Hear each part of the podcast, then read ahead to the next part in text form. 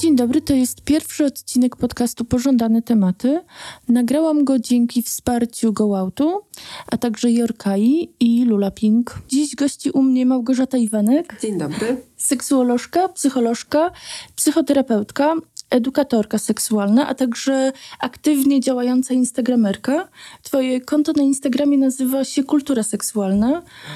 I właśnie o kulturze chciałabym dzisiaj z Tobą porozmawiać. Mm, chciałam zapytać Cię na początek, czy zgadzasz się z taką tezą, że żyjemy w kulturze negatywnej seksu- seksualności, to znaczy negatywnie nastawionej do seksu, w takim sensie, że przyznawanie się do swoich preferencji seksualnych, albo na przykład otwarte opowiadanie o swoim doświadczeniu intymnym, mm, zwykle spotyka się z jakimś rodzajem stygmatyzacji, albo jest cały czas bardzo wstydliwym tematem tabuizowanym, a kiedy jest się osobą z waginą, to tym bardziej przyznawanie się do swoich preferencji czy też doświadczeń jest e, piętnowane społecznie. Tak, myślę, że, że zgodziłabym się z taką tezą, że rzeczywiście jest coś takiego, że w naszej kulturze seksualność, nie, nie tylko sam seks, ale w ogóle seksualność, w ogóle cielesność e, jest postrzegana e, no, raczej w taki negatywny sposób. No i rzeczywiście to dotyczy, to, to w ogóle mm, już w czasie socjalizacji do jakichś powiedzmy ról czy zadań płciowych już jest bardzo widoczne. Szczególnie jeśli pomyślimy o małych dziewczynkach, które cały czas jeszcze e, no, jakoś sprowadza się do takiego mm, zachowania, żeby właśnie kolanka razem, e, spódniczka, żeby długa była, żeby wszystko zasłaniała. Mm, I to tak mówię w takim ogromnym skrócie, ale rzeczywiście mam poczucie, że to się bardzo przykłada cały czas do takiego mm, patrzenia na tę seksualność, no a potem też na seks e, w taki negatywny sposób. E, I ja czasem tak sobie myślę, że nie, no już tyle się zmieniło, już naprawdę, już ludzie jednak przecież ty, tyle jest osób, które jakby zajmują się, zajmuje się tą mhm. seksualnością, w taki pozytywny sposób o tym mówią, tak, jakby edukują.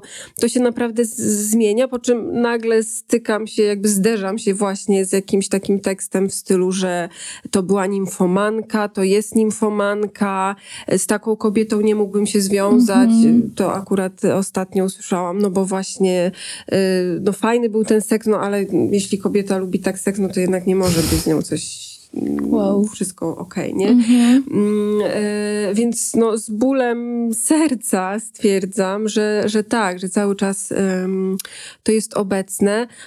I niestety przekłada się na wiele mm, jakby różnych obszarów związanych z seksualnością mm -hmm. w sposób taki negatywny. Tak, i też zapewne wpływa bardzo na relacje, prawda? Tak w ogóle, nie tylko te romantyczne, ale, ale po prostu. No i wpływa też yy, jakoś na, na, na, na to... Yy na takie decydowanie o własnej seksualności, mm -hmm. tak? Że, że to jest cały czas coś, czego się wstydzimy, cały czas coś, czego się boimy, że, bo no, w ogóle te, takie pojęcie pozytywna seksualność, mm -hmm. nie? Ja tak mhm. sobie myślę, że seksualność jest w ogóle neutralna, mm -hmm. no bo to jest kwestia tego, że mamy ciało, mamy jakąś płeć, no i w mhm. związku z tym ciałem i z tą płcią jak, jakieś tam rzeczy się z nami dzieją, albo my jakiej rzeczy robimy, no i to jest zupełnie neutralne. Tak, w takim sensie, żeby też nie przewartościowywać tego obszaru, prawda? Bo na przykład też są osoby, dla których w jakimś momencie życia seks nie jest tak istotny. Na przykład. Albo na przykład takie, które y, są aseksualne. Na przykład. I y, no i jakby i ja, ja rozumiem to, ja rozumiem, że to pojęcie pozytywnej seksualności jakby to ono jest potrzebne po to, żeby z tego negatywizmu się mm, wyrwać, nie? Tak. Żeby jakby, żeby jednak, żeby no tak wzmocnić trochę i pokazać, no seksualność jest dobra, nie ma nic złego w seksualności, każdy ją ma, każdy ją jakoś pielęgnuje i rozwija. Um, nawet jeżeli jakoś świadomie o niej nie myśli, czy do niej nie podchodzi. Więc ja, ja rozumiem, że to pojęcie jest potrzebne, natomiast no, jak tak spojrzymy y, y, y, jakby na, na, na samo pojęcie, no to seksualność jest neutralna, jest zupełnie czymś mhm. neutralnym. Tak, chciałam też cię zapytać o to, jakby wyglądała według ciebie kultura, która miałaby to pozytywne podejście do seksualności, ale w tym wypadku e, rozumiałabym to w taki sposób, żeby ją traktowała jako właśnie neutralny, ale też naturalny obszar życia ludzi? Jak ona miała wyglądać? Gdybyśmy zrobiły taki eksperyment myślowy. Mm. Wiesz co, no ja myślę, że, że jakby w, no wszystko musiałoby się zacząć jak zwykle od edukacji Mhm. e, i to takiej edukacji e, skierowanej, no właśnie zastanawiam się chyba na sam początek w ogóle do rodziców, którzy jakoś z, zajmują się dzieckiem od, e, czy, czy opiekunów, którzy jakoś tam zajmują się dzieckiem od tych pierwszy, pierwszych dni życia. W, w, jakby w takim sensie, żeby jakby pokazać im, że mm, zajmowanie się tym ciałem, mówienie o ciele, jakby mm, gdzieś bycie w- obok ciała, y, y, nie wiem, partnera, partnerki dziecka, no, y, że to jest coś takiego normalnego, że to nie jest nacechowane, także o tym można mówić, że, że to, żeby nie nadawać temu od razu takiego erotycznego charakteru, tak? I wyobrażam sobie, tak sobie wyobrażam, że w takim momencie, gdy, że, że w takiej rodzinie, w której jest takie no, bezpieczne, zdrowe podejście, właśnie takie mm, jakoś nie, nie nacechowane Mhm. w, w jakiś sposób, no ta zdrowa seksualność może się rozwijać i może się rozwijać to, to jakieś zdrowe podejście do seksualności. Mhm. E, a jeśli chodzi o jakby dorosłych ludzi, no to ja sobie wyobrażam, że, że, że jakby mm, no zdrowa seksualność jest wtedy, kiedy umiemy sobie odpowiedzieć na pytanie, czego nie chcemy, na przykład w naszym życiu erotycznym, Mhm. albo... Czyli też e, jakby taka świadomość granic, tak? Tak. Znajomość siebie, która właśnie implikuje bardzo z, znajomość własnych preferencji i granic. Na przykład, Mhm. tak. I to właśnie i w życiu erotycznym, ale też w życiu jakimś partnerskim, tak? Czy w Mhm. relacjach z innymi. I to z jednej strony, ale z drugiej strony też e, wiedza na temat, czego chcemy. Mhm. Bo to, że ja wiem, czego nie chcę, nie, będzie ozna- nie oznacza z automatu, że ja wiem, czego chcę w takim razie. Mhm. Czyli to, o czym opowiadasz, też bardzo się chyba jednak wiąże z próbami, prawda? Czyli z tym, żeby czasami popełniać błędy, ale też, żeby jakoś się raczej wsłuchiwać w, w swoje emocje, w tym, to znaczy bardziej niż właśnie, to, to znaczy poszukiwać na własną rękę. Czyli też coś, do czego jesteśmy jakoś ba- bardzo skutecznie zniechęcani, czy też nawet zniechęcane głównie. No, bardzo mi się podoba ten pomysł, że to jest właśnie tak, ta, właściwie taka metoda prób i błędów. I, i, I to też jakby pokazuje, że, że wtedy, no, jeżeli ja mam taką odwagę do tego, żeby, popeł- żeby próbować i popełniać te błędy, uczyć się na nich, sprawdzać, co, co jakoś, nie wiem, mm, daje mi radość w seksie, co mi nie daje radości w seksie, czego szukam w związku, czego nie szukam, czy w ogóle chcę być w związku, że jak ja mam taką możliwość właśnie szukania, odpowiadania sobie, popełniania błędów, ale też jakby wyciągania wniosków i, i, i jakoś podejmowania dobrych decyzji, mm, no to rzeczywiście tak sobie wyobrażam, że wtedy jest to taka sytuacja, w której jakoś ja decyduję po prostu o sobie. Mhm. I to, co ty mówisz em, o tym, że, że szczególnie, rozumiem, że jakoś szczególnie kobiety, mm, no, że to są na takiej pozycji, w której rzeczywiście odcina się bardzo często e, ich relacje z ciałem. Mhm. I to naprawdę do tego stopnia, że ja no, wielokrotnie mam wrażenie, że to jest wręcz kastracja. To jest po Mhm. prostu od, od, odcięcie narządu płciowego. Mhm. E, już nawet e, tak mówiąc wprost, bo e, warto na przykład zauważyć, że jeśli chodzi o mm, takie trudności w sferze erotycznej wśród kobiet em, czy osób z cipkami, no to to są kwestie dotyczące em, na przykład osiągania orgazmu, Tak, chęci do tego w ogóle, żeby mieć ten seks, tak, jakiejś motywacji do tego, żeby mieć, mieć seks. No jakby i to, się- to się nie bierze jakby z tego, że, że jesteśmy z natury powściągliwe albo wstydliwe, tak? No to się bierze z tego, że jesteśmy socjalizowane do tego, żeby nie wiedzieć, czego chcemy Tak, i nie znać w efekcie swojego ciała właściwie. i w efekcie nie znać Mhm. właściwie swojego ciała. Mhm. gdzie z kolei u mężczyzn, już tak u, zgeneralizuję, z kolei wygląda to zupełnie w, jakby w odwrotnie, bo tam taką najczęstszą chyba, nie, nie mówię o dysfunkcjach seksualnych, ale w, ogólnie tak w obszarze seksualności, jak, naj, najczęstszą jakąś trudnością jest z kolei tak zwana hiperseksualność, Mhm. czyli jakby używanie tej seksualności mm, do tego, żeby regulować emocje, Em, tak, czyli jakby do, do tego, żeby jakoś radzić sobie z lękiem, ze strachem, ze złością. Czyli coś zupełnie, mm, Odwrotnego. odwrotnego. I teraz czytam taką książkę em, em, autorki em, chyba Katarzyna Urbaniak ona się nazywa. To jest taka, em, no zresztą polskiego pochodzenia, em, amerykańska em, twórczyni. No i ona właśnie mówi coś takiego, że mężczyźni są socjalizowani do tego, żeby, że, że w ogóle jakby obses jesteś, mamy obsesję na punkcie tego, co mężczyźni robią i na punkcie tego, jak kobiety wyglądają. Mhm. No i myślę sobie, że to się idealnie przekłada właśnie na, e, Seks. na seks. Mhm. Tak.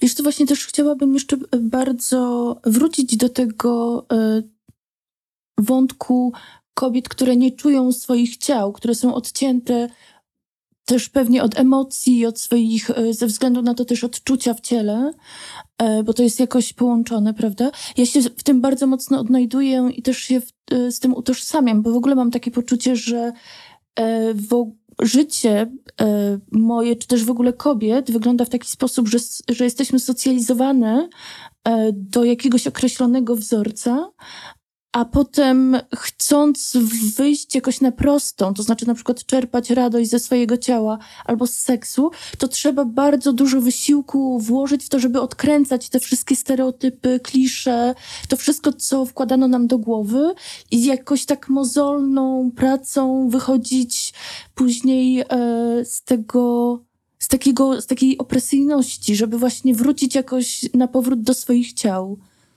No i nie, i nie jest to wcale proste zadanie, nie? Jakby... Um nie, nie, nie jest tak łatwo rzeczywiście z tej, opresji, z, tego, z tej opresji w ogóle się jakoś wydostać, tak w te, jakby nie wiem, no jeżeli um, wchodzisz w, w takie różne role e, społeczne, tak, na przykład, nie wiem, zostajesz matką, jakoś zaczynasz zajmować się dziećmi, domem, no to jakby nagle okazuje się tu jeszcze gdzieś jakaś praca, nagle się okazuje, że rzeczywiście w ogóle tego czasu na to, żeby zająć się tym odkręcaniem jest naprawdę nie, bardzo mało. niewiele. Ja czasem się zastanawiam, czy to nie jest tak trochę taki przywilej, przywilej mm, znaczy, to teraz zgaduję, bo to jakby ani nie znam żadnych statystyk, ale zastanawiam się czasem, czy to takie odkrywanie w ogóle swojego ciała, czy to nie jest na przykład przywilej być może kobiet bez dzieci. Plus mieszkających w dużych miastach. Mieszkających w dużych mhm. miastach, albo kobiet z dziećmi, ale na przykład, nie wiem, na przykład po rozwodach, e, tak, e, tak? albo kobiet właśnie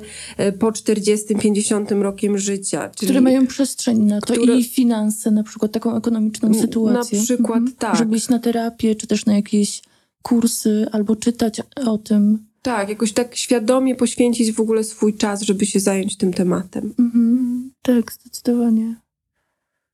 A chciałam jeszcze coś dopytać odnośnie tego, co mówiłaś. A, a czy sądzisz, że takim też rodzajem um, właśnie oddzielania kobiet od ich ciał jest wmawianie im, że mają instynkt macierzyński? Nawiązuję tutaj teraz do twojego ostatniego posta na Instagramie który mhm. wywołał całkiem dużą reakcję i, i wywołał też dużą dyskusję. Mhm. Myślę, że to ciekawe pytanie. Yy... Wiesz co, no być może w pewnym sensie tak, no bo to jest znowu takie jakby mówienie z, z mm, trochę tak jakby z góry, że do czegoś jesteś jakby przy założeniu, fałszywym, ale przy założeniu, że rzeczywiście instynkt macierzyński istnieje, no to rzeczywiście to jest takie mówienie z góry, że no okej, okay, twoje ciało i ty jesteś po to, żeby jakby opiekować się dzieckiem.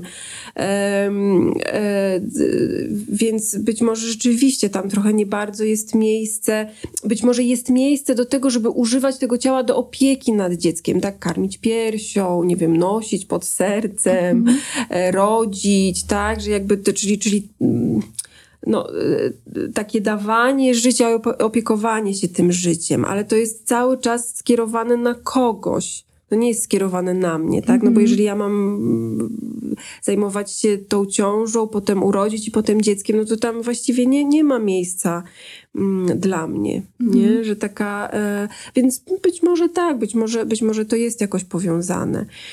ale na pewno y, myślę sobie, no na pewno też w ogóle y, edukacja seksualna taka. Y, są edukatorzy seksualni, którzy rzeczywiście fajnie i rzetelnie wykonują swoją robotę i są szkoły, które mm, jakoś mają szczęście mieć takich edukatorów czy nauczycieli, nauczycielki, ale mm, no, jak pomyślimy sobie tak mm, po, po, ogólnie patrząc na to, jak się mówi o eduka edukacji seksualnej w Polsce, no to ta edukacja pod tytułem, że no nie wiem, antykoncepcja, trzeba się przed ciążą ochronić, tak? Yy, no to w ogóle ona sprowadza się do tego, że dziewczynki menstruują i zachodzą w ciążę i potem rodzą. I, mm -hmm. i, mhm. I, to jest cała seksualność mm -hmm. kobiety. Nie, tam, tam nie ma w ogóle, czy tam, nie wiem, tam nie ma miejsca na to, żeby mm, usiąść z lusterkiem i obejrzeć sobie swój srom, tak? Mm -hmm. Zobacz, jak wyglądają wargi, zobacz, czy wiesz, gdzie jest łechtaczka. No przecież to są rzeczy... Mm, to, to, to, to, nie jest przecież namawianie do seksu, tak? Przecież to nie jest jakieś. To jest po prostu mówienie, no, z, z, poznaj swoje ciało, zobacz to swoje ciało.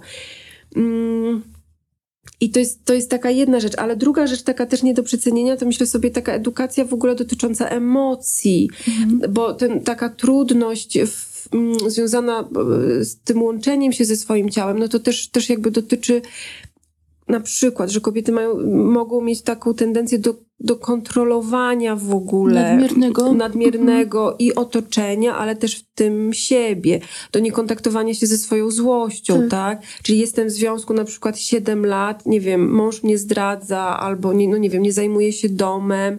I ja właściwie jestem wściekła, jestem codziennie na niego wściekła, ale nic nie mówię. Mhm. E, no bo nie wiem, nie wypada no w sumie pozmywał naczynia wczoraj. Nie? Mm.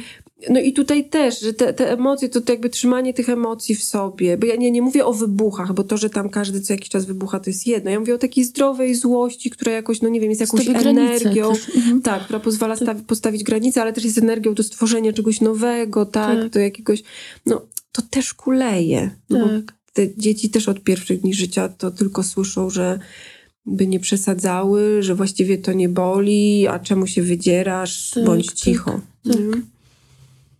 Czyli właśnie wracając do tego, co powiedziałaś, że społeczeństwo ma obsesję na temat tego, jak kobiety wyglądają i co mężczyźni robią, to jest tak, że kobiety wyglądają często bardzo seksualnie i e, są uczone też tego, żeby seksownie bardzo wyglądać, jednocześnie tak naprawdę mając jakąś małą, e, mały kontakt ze swoją seksualnością i małą też wiedzę na temat swoich, e, swoich potrzeb w tym obszarze. Swoich potrzeb i tego, co na przykład sprawia przyjemność. Nie? Tak. tak, ja rzeczywiście bardzo często spotykam się z tym, e, że na przykład nawet do gabinetu przychodzą do mnie kobiety e, piękne, e, na, zadbane, e, no tak, no, no, no widać, że jakby jakby, e, nie chcę powiedzieć, że dbają o siebie, no bo to takie trochę dziwne słowo, ale no widać, że jakoś wkładają wysiłek e, w to, jak wyglądają, że chcą się sobie podobać, chcą się komuś podobać i rzeczywiście takie są. Są, są piękne, są,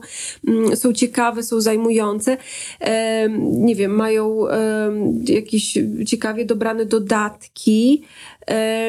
No i to jest cały czas takie, mm, no trochę jakby odgrywanie nie? Że jakby no ja mhm. jestem w jakiejś roli takiej kobiety, która ma się podobać, no i ja się rzeczywiście podobam. Mhm. Mm. Że sygnalizuję, że seks jest dla mnie ważny, a jednocześnie tak. bardzo niewiele wiem o tym. A mhm. jednocześnie bardzo um, niewiele wiem y, i mam trudność z tym, żeby jakoś w ogóle się do tego dokopać. Tak. tak. I to jest, e, no, no tak, i myślę sobie, że to, no, to też jakoś media społecznościowe, nie mhm. jakby no, w ogóle seriale, filmy, to się wszystko do tego przykłada. Nawet wystarczy spojrzeć na billboardy na ulicy. Oczywiście. No to jest. to jest, to jest po prostu okropne. Mhm. No bo to jest takie trochę zamaskowywanie, mam wrażenie, no, problemu. Mhm.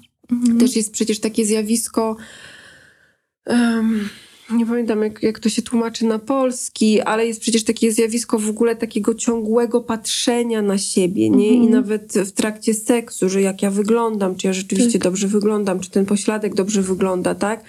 Czy tu się wszystko jakoś tak spina. No a przecież seks... E, to jest puszczenie tego. To jest w ogóle puszczenie mhm. tego, tak? To, to, to, są wydzieliny. No w seksie nie wygląda mhm. ładnie. No światło może czasem ładnie padać, nie? Mhm. Jakby, nie wiem, no jak mamy jakieś uczucia wobec kogoś, to on i tak nam się piękny wydaje, mhm. cokolwiek tam, jakkolwiek się tam ułoży na tym e, łóżku, czy gdzieś tam.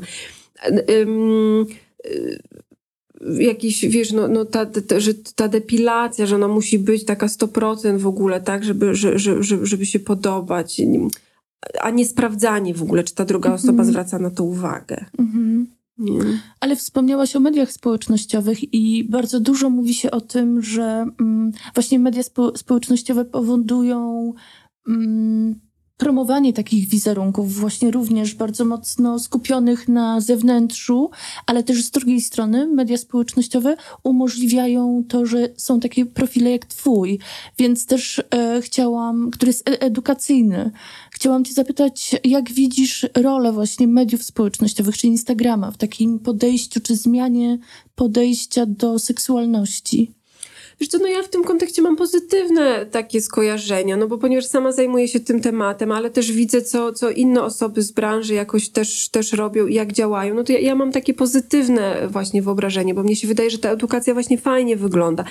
Um, jakoś dużo odczarowuje. W ogóle bardzo mi się, ja też mam takie poczucie, że te osoby, które zajmują się tą seksualnością, właśnie, że one są takie mm, y, może te, takie dziwne słowo, no ale że one są właśnie takie zwykłe. Um, I ja, ja, to mówię w takim pozytywnym mm -hmm. znaczeniu, nie? Że to, że właśnie, że to, że to mm, y, z jakimiś nieuczesanymi włosami na przykład, mm -hmm. nie? Jakoś y, i znowu, nie dlatego, że y, trzy dni prysznica nie widziały, tylko no po prostu tak żyją, nie? Tak się że, wygląda tak, tak, po, prostu. po prostu tak się wygląda, tak. tak. Więc jeśli chodzi o samą edukację seksualną, to ja, ja mam takie pozytywne mm, raczej um, skojarzenie. Chociaż pamiętam kilka lat temu, e, to chyba na YouTubie była taka dziewczyna, która, no to ona nie była edukatorką seksualną, ale miała taki profil, który, w którym jakoś tam... E, no, mówiła o tej seksualności, no jakoś w mojej ocenie w taki, w taki, no, w taki wulgarny mm -hmm. w mhm. taki, no ja bym to nazwała prostacki sposób. E, no i tam już było takie właśnie takie skupienie na, no, na wyglądzie. Nie? Nie, ja nie chcę mhm. podawać nazwy, bo jakoś nie uważam, mhm. żeby to jakieś było warto promowania, ale tam właśnie było skupienie właśnie na tym wyglądzie, tak? No, że jeżeli tutaj mamy mówić o seksie, no to, to wchodzi od razu wygląd. To znaczy, że ja tak. jestem szczupła, no duże tak, cycki. dokładnie. I... No tak, bo właśnie częścią tej edukacji seksualnej może być właśnie pokazanie tego, że to jest doświadczenie bardzo mocno cielesne, czyli takie też jakoś wewnętrzne, też połączone bardzo z emocjami i to jak wyglądam, w sensie nie muszę y, być jakoś super wyszykowana do tego, żeby mieć świetny seks, że to w ogóle może być zupełnie rozłączne, wręcz może być tak, że to y, nawet jakoś y, przeszkadza, takie właśnie to nadmierne skupienie, o którym mówisz tak. że odciąga uwagę też od tego, co tutaj jest ważne, czyli od tego, żeby się skupić na takim wewnętrznym doświadczeniu, na sobie też po prostu. Po, tak, no przede wszystkim na sobie, na drugiej osobie, no ale też mhm. przede wszystkim na sobie, no bo jednak trzeba pamiętać, że jakby dawanie przyjemności to jest też... Yy, to, czy ja jestem w stanie sama czuć tę przyjemność, mm -hmm. nie? Czy, czy ja jestem w stanie się jakoś, jakoś podłączyć pod to, czego chcę, czego pod, mhm. potrzebuję. Mhm. Ale też myślę sobie, jakoś też wracając, jakoś chciałam wrócić do, do, do, tak. do, do tego um, początku, w którym mówiłaś o, um, o tych takich ocenach, że jak ja lubię seks, to znaczy, że już jestem puszczalska. Tak, tak z dzirą. Tak, że już jestem z Giro. E, także to jest wciąż cały czas takie właśnie e, obecne i ja mam poczucie, że to jednak cały czas jest, że jak my mówimy o tym slut shamingu, jakby pokazujemy, tak. że to jest w ogóle, tak, no to, że to jest cały czas jednak w tej bańce. Być może nawet, nie wiem, jakoś internetowej, nie? Że to mhm. jakoś spoza tej A, bańki nie wychodzi. Chociaż wiem, że teraz Kamila, która razem z Pauliną Klepacz wiem, że one teraz... I Aleksandra Nowak, tak. Tak, że one teraz w, tak. będzie wychodzić, czy tak, już tak, jest przy 28 kwietnia. No właśnie, tak. więc... E, no widzisz, to też jest przykład na to, że, że jakby coś się zmienia, nie? Wiesz, że... E, chciałam zapytać cię też o miejsce pornografii w takiej kulturze, która ma... E, właśnie zdrowe podejście do seksualności, bo pornografia w ogóle jest takim kontrowersyjnym tematem e, dla, dla feministek. I bardzo długo mówiło się o tym, że pornografia powstawała dla męskiej przyjemności głównie, w związku z tym dość mocno y, utrzymywała taki stereotyp, czy też stereotypowe i przedmiotowe pokazywanie i traktowanie kobiecego ciała, ale właśnie wiesz, na przykład e, przypominają mi się takie słowa Slatever, Carlej Ściortino, tej blogerki, która bardzo otwarcie pisze e, o swoich doświadczeniach intymnych, o swojej, o tym jak pracowała seksualnie, mm, i która nazywa się Bieździrą, jakby przechwytując w ramach właśnie tych strategii antyslut-shamingowych to słowo. I ona na przykład powiedziała, że kiedy słyszy takie narzekania na to, że e, pornografia jest tak jednoznacznie negatywna, ne negatywny ma wpływ na seksualność i na relacje, to ma ochotę odpowiedzieć wtedy, to dlatego tak sądzicie, że nie widzieliście jej zbyt wiele, dlatego że e, według niej mm, w porównaniu z narzekaniem na innego rodzaju media, jak, takie jak telewizja, filmy mm, czy modowe magazyny, pornografia jest dużo bardziej zróżnicowana i ma takie spektrum dużo różnorodniejszych ciał. Mm, przedstawia kobiety każdego kształtu ciała, rasy, wieku czy fizycznych warunków. Mm, więc dla niej w ogóle jako nastolatki oglądającej pornografię to było właściwie takie pierwsze doświadczenie body positive, które pokazywało jej, że niezależnie od tego, jak wyglądasz, ile ważysz i tak dalej, e, jest na świecie ktoś, kto bardzo chce uprawiać z tobą seks. No podo podoba mi się to e, to, to, to, to, to zdanie. E, ja w ogóle też mam, e, ja też jestem zdania, że, że nie wiem, seriale, filmy przeros, przerysowujące w ogóle relacje, nie wiem, pokazujące seks w taki sposób, w jaki właśnie pokazują, z tym jednoczesnym orgazmem, mm -hmm. z tym jakimś dopasowaniem po prostu jakimś magicznym bardziej szkodzą niż taka mm. pornografia, no nie wiem jak ją nazwać, niż taka normalna, etyczna, powiedzmy, pornografia. Ja sobie myślę, że pornografia jest przydatna i potrzebna. To, co jest szkodliwe, to na przykład, nie wiem, przemoc na tle seksualnym, szkodliwy jest, nie wiem, handel ludźmi, szkodliwe jest wykorzystywanie, jakby, nie wiem, prawo, które nie pozwala e, sprawdzać, co się dzieje w tej pornografii. Na przykład to, że mamy darmowe dostępy dostępy do e, dużych e, platform z pornografią, gdzie nie zawsze mm, sprawdzanie tego, co tam się znajduje, jest rzeczywiście e, jakoś rzeczywiście ma miejsce, bo co jakiś czas słyszymy o jakichś nadużyciach.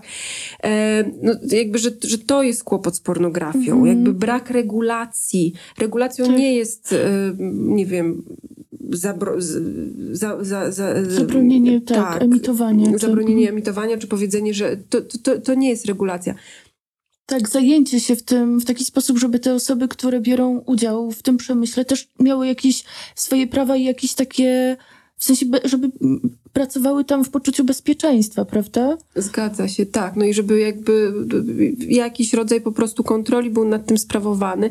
Natomiast sama, sama idea pornografii czy filmów erotycznych no jest czymś wspaniałym moim mm. zdaniem. I to, o czym ty mówisz, że, no, że właśnie, że w takiej, no chyba jakoś nie mainstreamowej, ale w sumie na tych dużych platformach też można zobaczyć właśnie różne ciała, nie? To jest oczywiście taka pornografia, która jest właśnie stylizowana, wszyscy są tam piękni, duże penisy, dużo nasienia w ogóle na wszystkich ścianach, yy, zawsze chętne kobiety. I oczywiście, że te, takie przerysowanie też się zdarza, no ale jednak też jest dużo takiej pornografii właśnie zwykłej.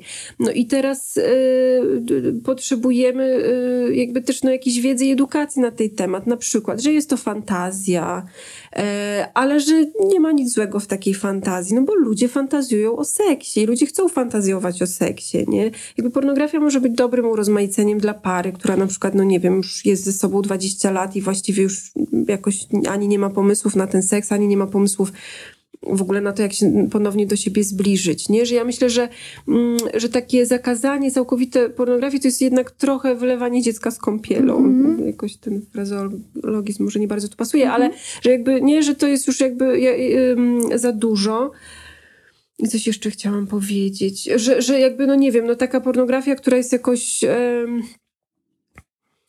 Okej, no to to też jest taka pornografia, która pokazuje ten seks takim, jaki on jest, nie? Że on tam tu się coś zabrudzi, tutaj y, coś jakoś nie wyjdzie. No takie filmy też się zdarzają. Natomiast to, że ona jest tak bezmyślnie, bezpłatnie dostępna w taki sposób, w jaki jest, no to jakby to jest kłopotem. Mhm. To znaczy, że e, może natrafić na nią ktoś, kto jest zupełnie nieprzygotowany, w sensie nie ma narzędzi też, żeby jakoś zrozumieć, albo jakoś też krytycznie może do niektórych e, aspektów podejść tego, co widzi. Tak? Zgadza się. Ja na przykład często rozmawiam z rodzicami, na przykład rodzice na y, jako, jakiś pierwszy pomysł na to, jak w ogóle ustrzec dziecko, no to ich jed, takim pierwszym i właściwie jedynym pomysłem jest to, żeby założyć blokadę rodzicielską. No, blokada rodzicielska absolutnie w niczym nie pomoże. Co najwyżej przyłoży się do tego, że jakby, no nie wiem, robię coś Ciekawość niewłaści- może być jeszcze większa. Ciekawość może być większa, ale jednocześnie z takim wstydem od razu, że coś robię nie tak, Tak, nie? tak. Natomiast dziecko wcześniej czy później z dużym prawdopodobieństwem będzie miało kontakt e, z tą mm, pornografią. Co ciekawe, e, na przykład e, te, przecież film Blanki Lipińskiej 365 dni jest niczym innym jak pornografią, a jednak sprzedaje się go jako film dla dzieci, dla osób od 16 roku życia. E, i, I jakoś nie, nie ma tutaj kłopotu z tym, nie? Podczas kiedy tak naprawdę to jest rodzaj pornografii, to jest rodzaj filmu erotycznego, e, i, bo to jest rodzaj fantazji. Mhm. Ona tam po prostu przedstawia jakąś fantazję. E, no i to, to też pokazuje, jak bardzo właśnie mamy na temat tych materiałów, obrazów erotycznych, jak bardzo mamy nie w ogóle jakoś nieprzemyślane te różne strategie, nie? Czyli taką strategią e, pozytywną i normalizującą byłaby rozmowa po prostu, to znaczy, która by ujawniała, czy dawała takie narzędzia do tego, jak traktować ten obraz, czyli na przykład, że jest to jakiś rodzaj e, fantazji właśnie, w którym odgrywa się różne role czasami i że niekoniecznie przedstawia to takie życie, jakim jest i tak dalej. Tak, w mojej ocenie tak i to i, i, im wcześniej, tym lepiej. To znaczy, no jakby statystyki pokazują, że dzieci nawet dziewięcioletnie mają już kontakt, kontakt z pornografią, w takim sensie, że ktoś im pokaże filmik, one gdzieś tam coś zobaczył przez przypadek. No i w takim domu, gdzie jest jakby otwartość i rozmowa, takie dziecko przyjdzie do rodzica i spyta, co to w ogóle się dzieje i co, co to znaczy. I taki rodzic, mam nadzieję, podejmie taką rozmowę. No ale nie wiem, czy jest dużo takich domów, zgaduję, że nie, więc jakby w ogóle rozmowa na temat tego, mm, co jest w tej pornografii, powinna się odbywać w ramach takiej mm, powszechnej edukacji seksualnej. Nie w sensie pokazywania e, porno w trakcie lekcji, tylko właśnie rozmawiania. Co tam widzimy, co jest z tego prawdą, a co nie jest. Mhm. I chciałam cię jeszcze zapytać właśnie o fantazję, a, mm, ale o bardzo konkretną fantazję, o, e, która jest bardzo kłopotliwą fantazją. Mam na myśli taką fantazję kobiet o gwałcie, która jest podobno e, bardzo częsta, jednocześnie jest problematyczna też z takich perspektyw feministycznych. Mm, Mm, W ogóle fantazje e, seksualne też są wstydliwe, ale jakby ta o gwałcie wydaje się, że gdzieś jest tak bardzo wysoko w hierarchii wstydliwości.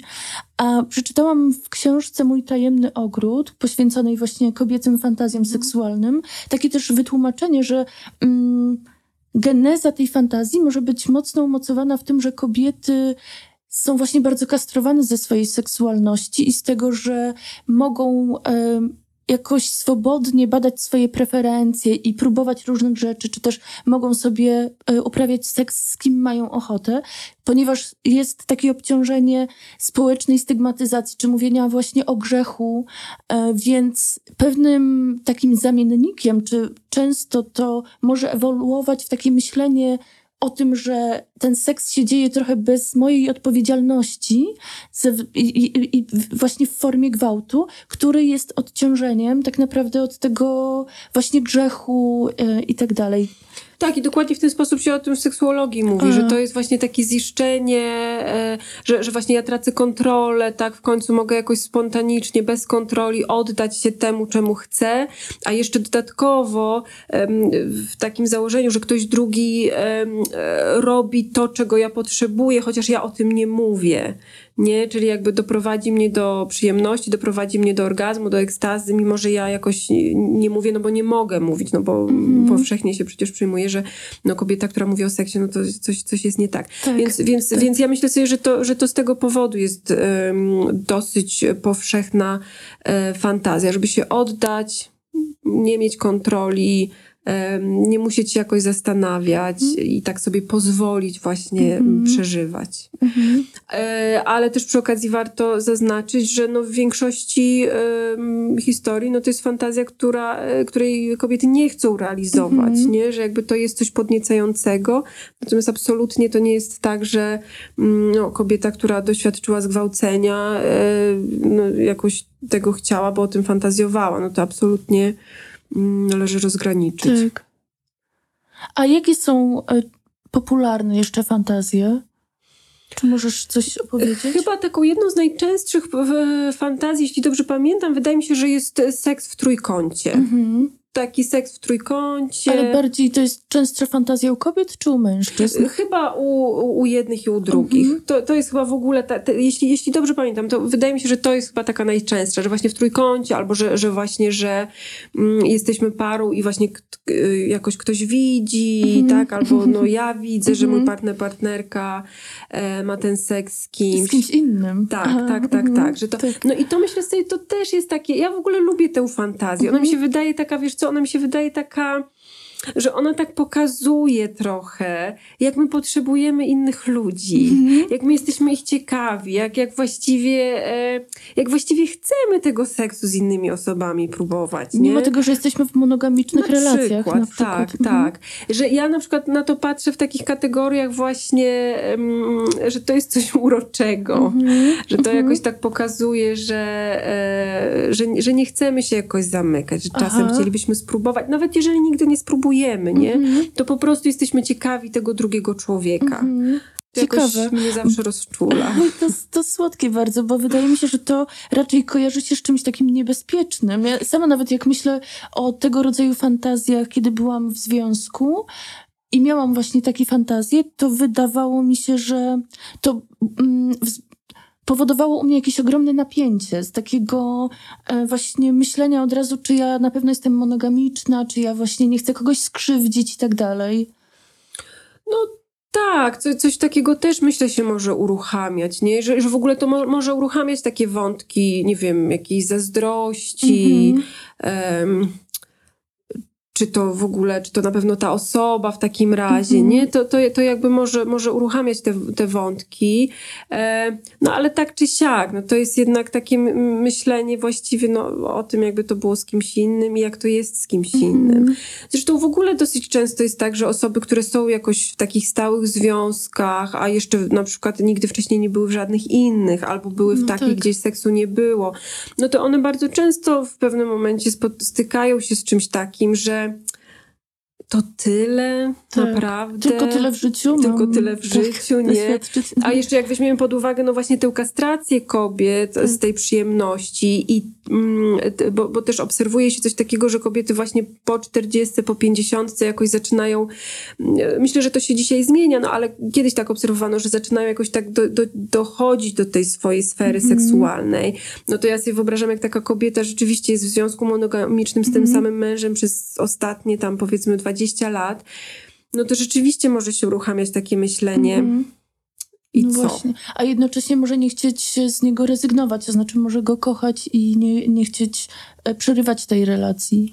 Tak, no Mhm. mhm. no Ale chciałam cię też dopytać, czy, e, czy myślisz, że właśnie tego rodzaju eksperymenty zagrażają relacji, czy raczej ją mogą umocnić? Czy może być i tak, i tak? Tak Myślę, że może być i tak, i tak, i tak. Natomiast e, ja bym zaryzykowała, że częściej zagrażają, ale dlatego, że ludzie nie komunikują się w swoich relacjach. Okej. Nie, nie, nie rozmawiają o, swoi, o swoim seksie. Mhm. E, tam, gdzie jest taka naprawdę autentyczna umiejętność rozmowy, z ustalaniem granic, ze sprawdzaniem tych granic, ze sprawdzaniem, czy dzisiaj, y, wczoraj tak powiedziałam, ale dzisiaj jakoś pomyślałam o tym, już jakoś myślę o tym inaczej. Mhm.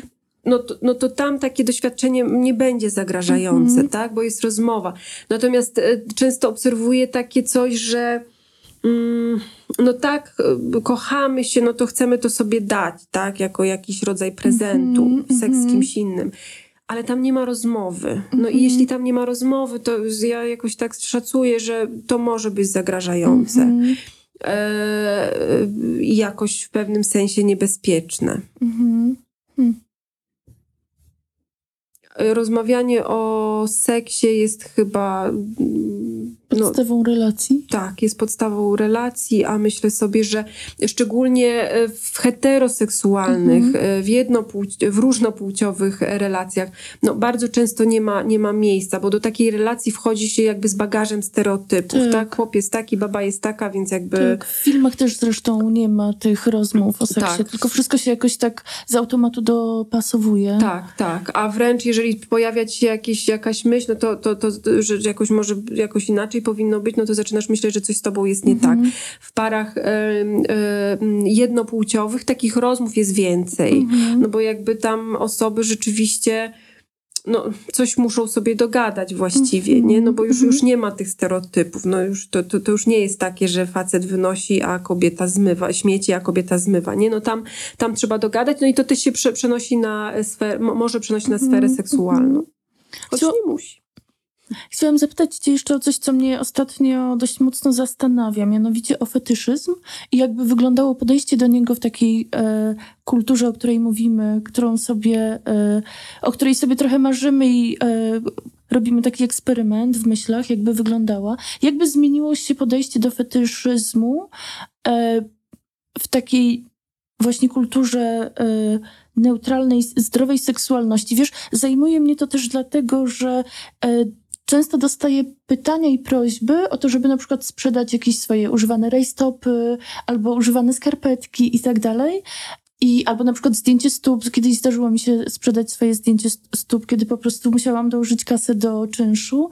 I z- właśnie zastanawiam się, jakby zawsze jest to tak bardzo mocno obciążone wstydliwością e, po stronie też tej osoby, która prosi o to. Mm, I też mocno zastanawiam się właściwie nad tym, na czym to polega, czemu się tak, czemu ten wstyd jest aż tak ogromny. I też naprawdę jest, e, obie strony są nim jakoś obciążone, prawda?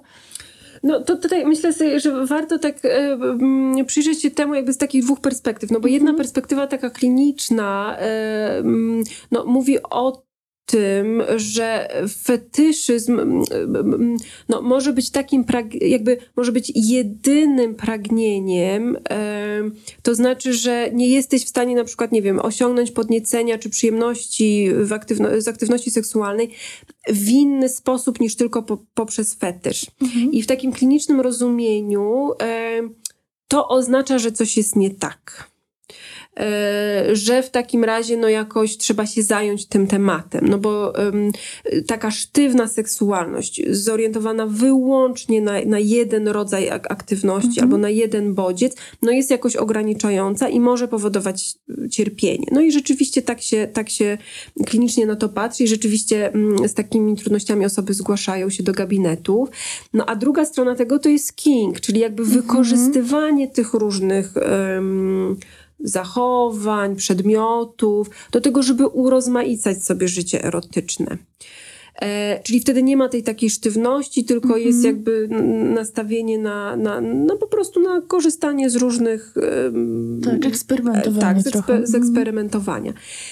No i myślę sobie, że ten wstyd no, może być związany z tym, że jeżeli rzeczywiście jakoś e, ja nie jestem w stanie osiągnąć inaczej przyjemności seksualnej, czy w ogóle podniecenia, niż na przykład, nie wiem, poprzez oglądanie zdjęć stóp, Mhm. no to to rzeczywiście jakoś może być e, no, trudne, Mhm. no bo wtedy ciężko na przykład wejść, może być ciężko wejść w relacje. Mhm. Em, tak, jeżeli ja wyłącznie mogę się na przykład masturbować do stóp, nie, nie, nie Mhm. interesuje mnie, nie wiem, seks oralny, Mhm. penetracja, nic innego mnie nie interesuje. Mhm.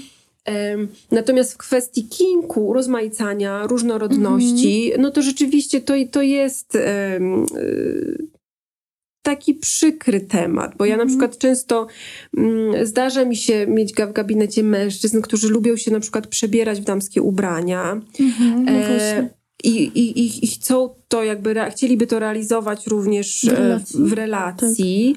E, lubią też inny seks, tak? No po prostu to jest jakiś jeden z, z, z, elementów, no ale nie są w stanie tego wprowadzić. No nie są w stanie, tak? W sensie nie, nie są w stanie się przełamać, żeby o tym mówić? Tak. Czy też reakcja drugiej osoby jest taka, że zupełnie nie daje przestrzeni na to?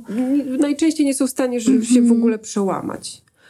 E, no bo nie wiem, bo mamy wspólnych znajomych, bo przecież, no przecież znam, no, kurczę, znamy swoich rodziców, nie? -hmm. Jakby, no ten lęk przed odrzuceniem, przed tym, że -hmm. no rzeczywiście ktoś jakoś powie, to jest chore i w ogóle nie chce mhm. mieć z tobą nic wspólnego, jest, jest zbyt duży. E, no, w, takim, w takiej pozytywnej seksualności pewnie byłoby to coś po prostu normalnego, normalnego tak. coś, co jakoś może dawać przyjemność, może być podniecające dla jednej strony, dla tak. drugiej, tak. a może, może być podniecające dla jednej, dla drugiej już nie. Um, myślę sobie, że w takiej pozytywnej seksualności bardziej niż um, bardziej niż jakieś e, konkretne takie zachowania erotyczne czy seksualne, mm, i, mm, i, i, mówienie o tym, że one istnieją, to, to ja sobie wyobrażam, że bardziej przydatne byłoby umiejętność rozmawiania i negocjowania mm -hmm. właśnie tego, co jest dla mnie przyjemne, co nie mm -hmm. jest, co chcę sprawdzić, co chciałabym sprawdzić, co chcę sprawdzić, co, czego nie chcę. Nie, czyli jakby y, nie, nie, nie mówienie o tym, jakie aktywności mogłyby być tam z repertuaru różnych dostępne i mhm. fajne, tak? Tylko jakby po prostu sam fakt negocjowania i rozmowy o mhm. tym.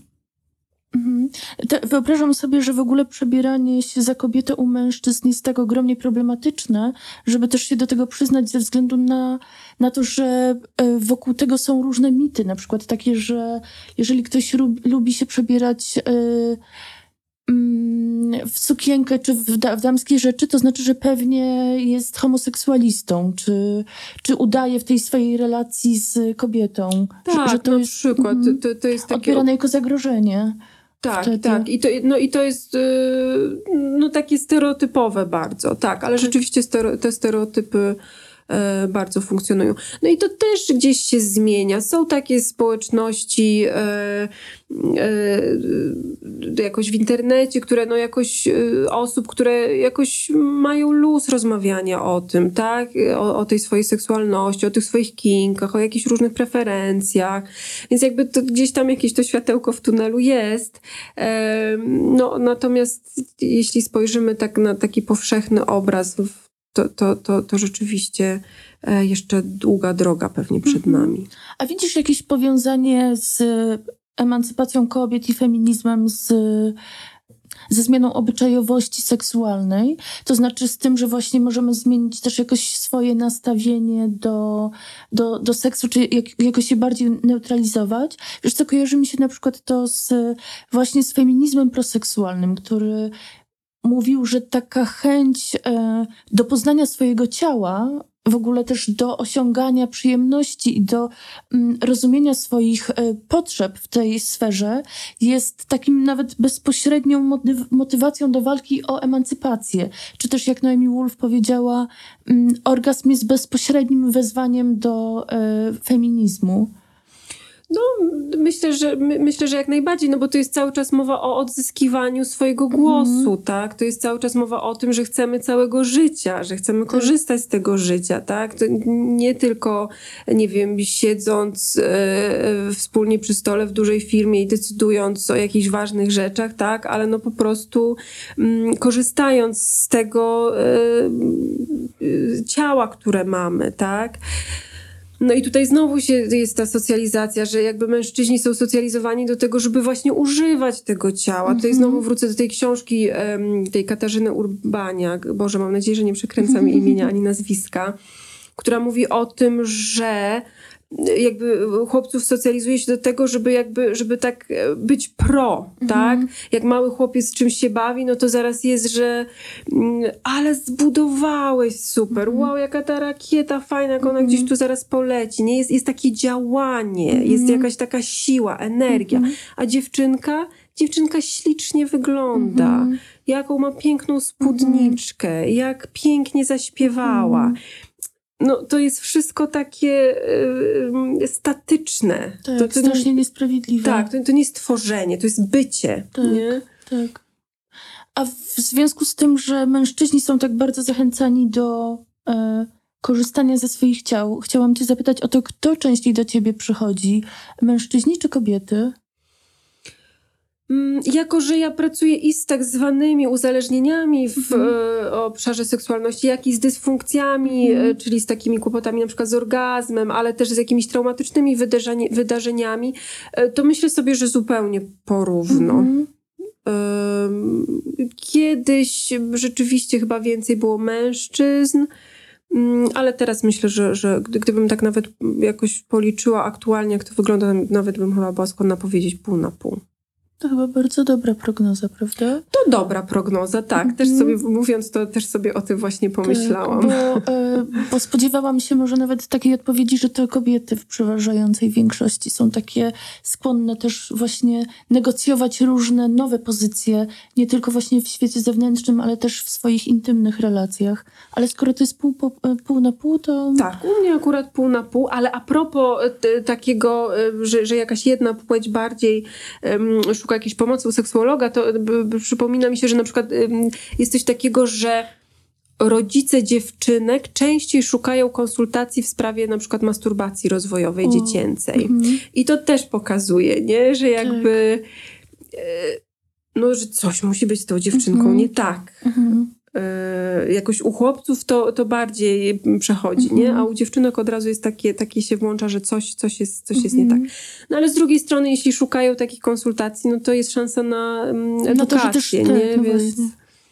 przede wszystkim bardzo zachęcam kobiety e, czy osoby e, z cipkami do tego, żeby naprawdę mm, jakoś szukały tego sposobu do, na to, żeby poznawać swoje ciała. Wrócić do siebie. Żeby wrócić do siebie, tak? Tak. Czy to przez jakieś y, oglądanie siebie, czy przez dotyk, przez jakąś taką uważność. e, Próbowanie różnych relacji może nawet. na przykład, Mhm. tak. Żeby, żeby, żeby Zanim jakoś... na przykład się zdecyduje na tą główną i długą.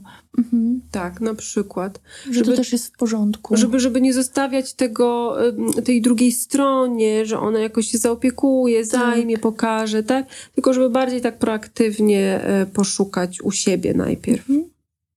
Bardzo, bardzo dziękuję Ci za rozmowę. Ja również dziękuję. Na zakończenie chciałabym podziękować także sponsorom odcinka, czyli mojej ulubionej producentce kosmetyków do pielęgnacji ciała Jorkaja, a także świetnemu feministycznemu seksshopowi Lula Pink. Mm, Podziękowania kieruję także do Go Outu. Do usłyszenia.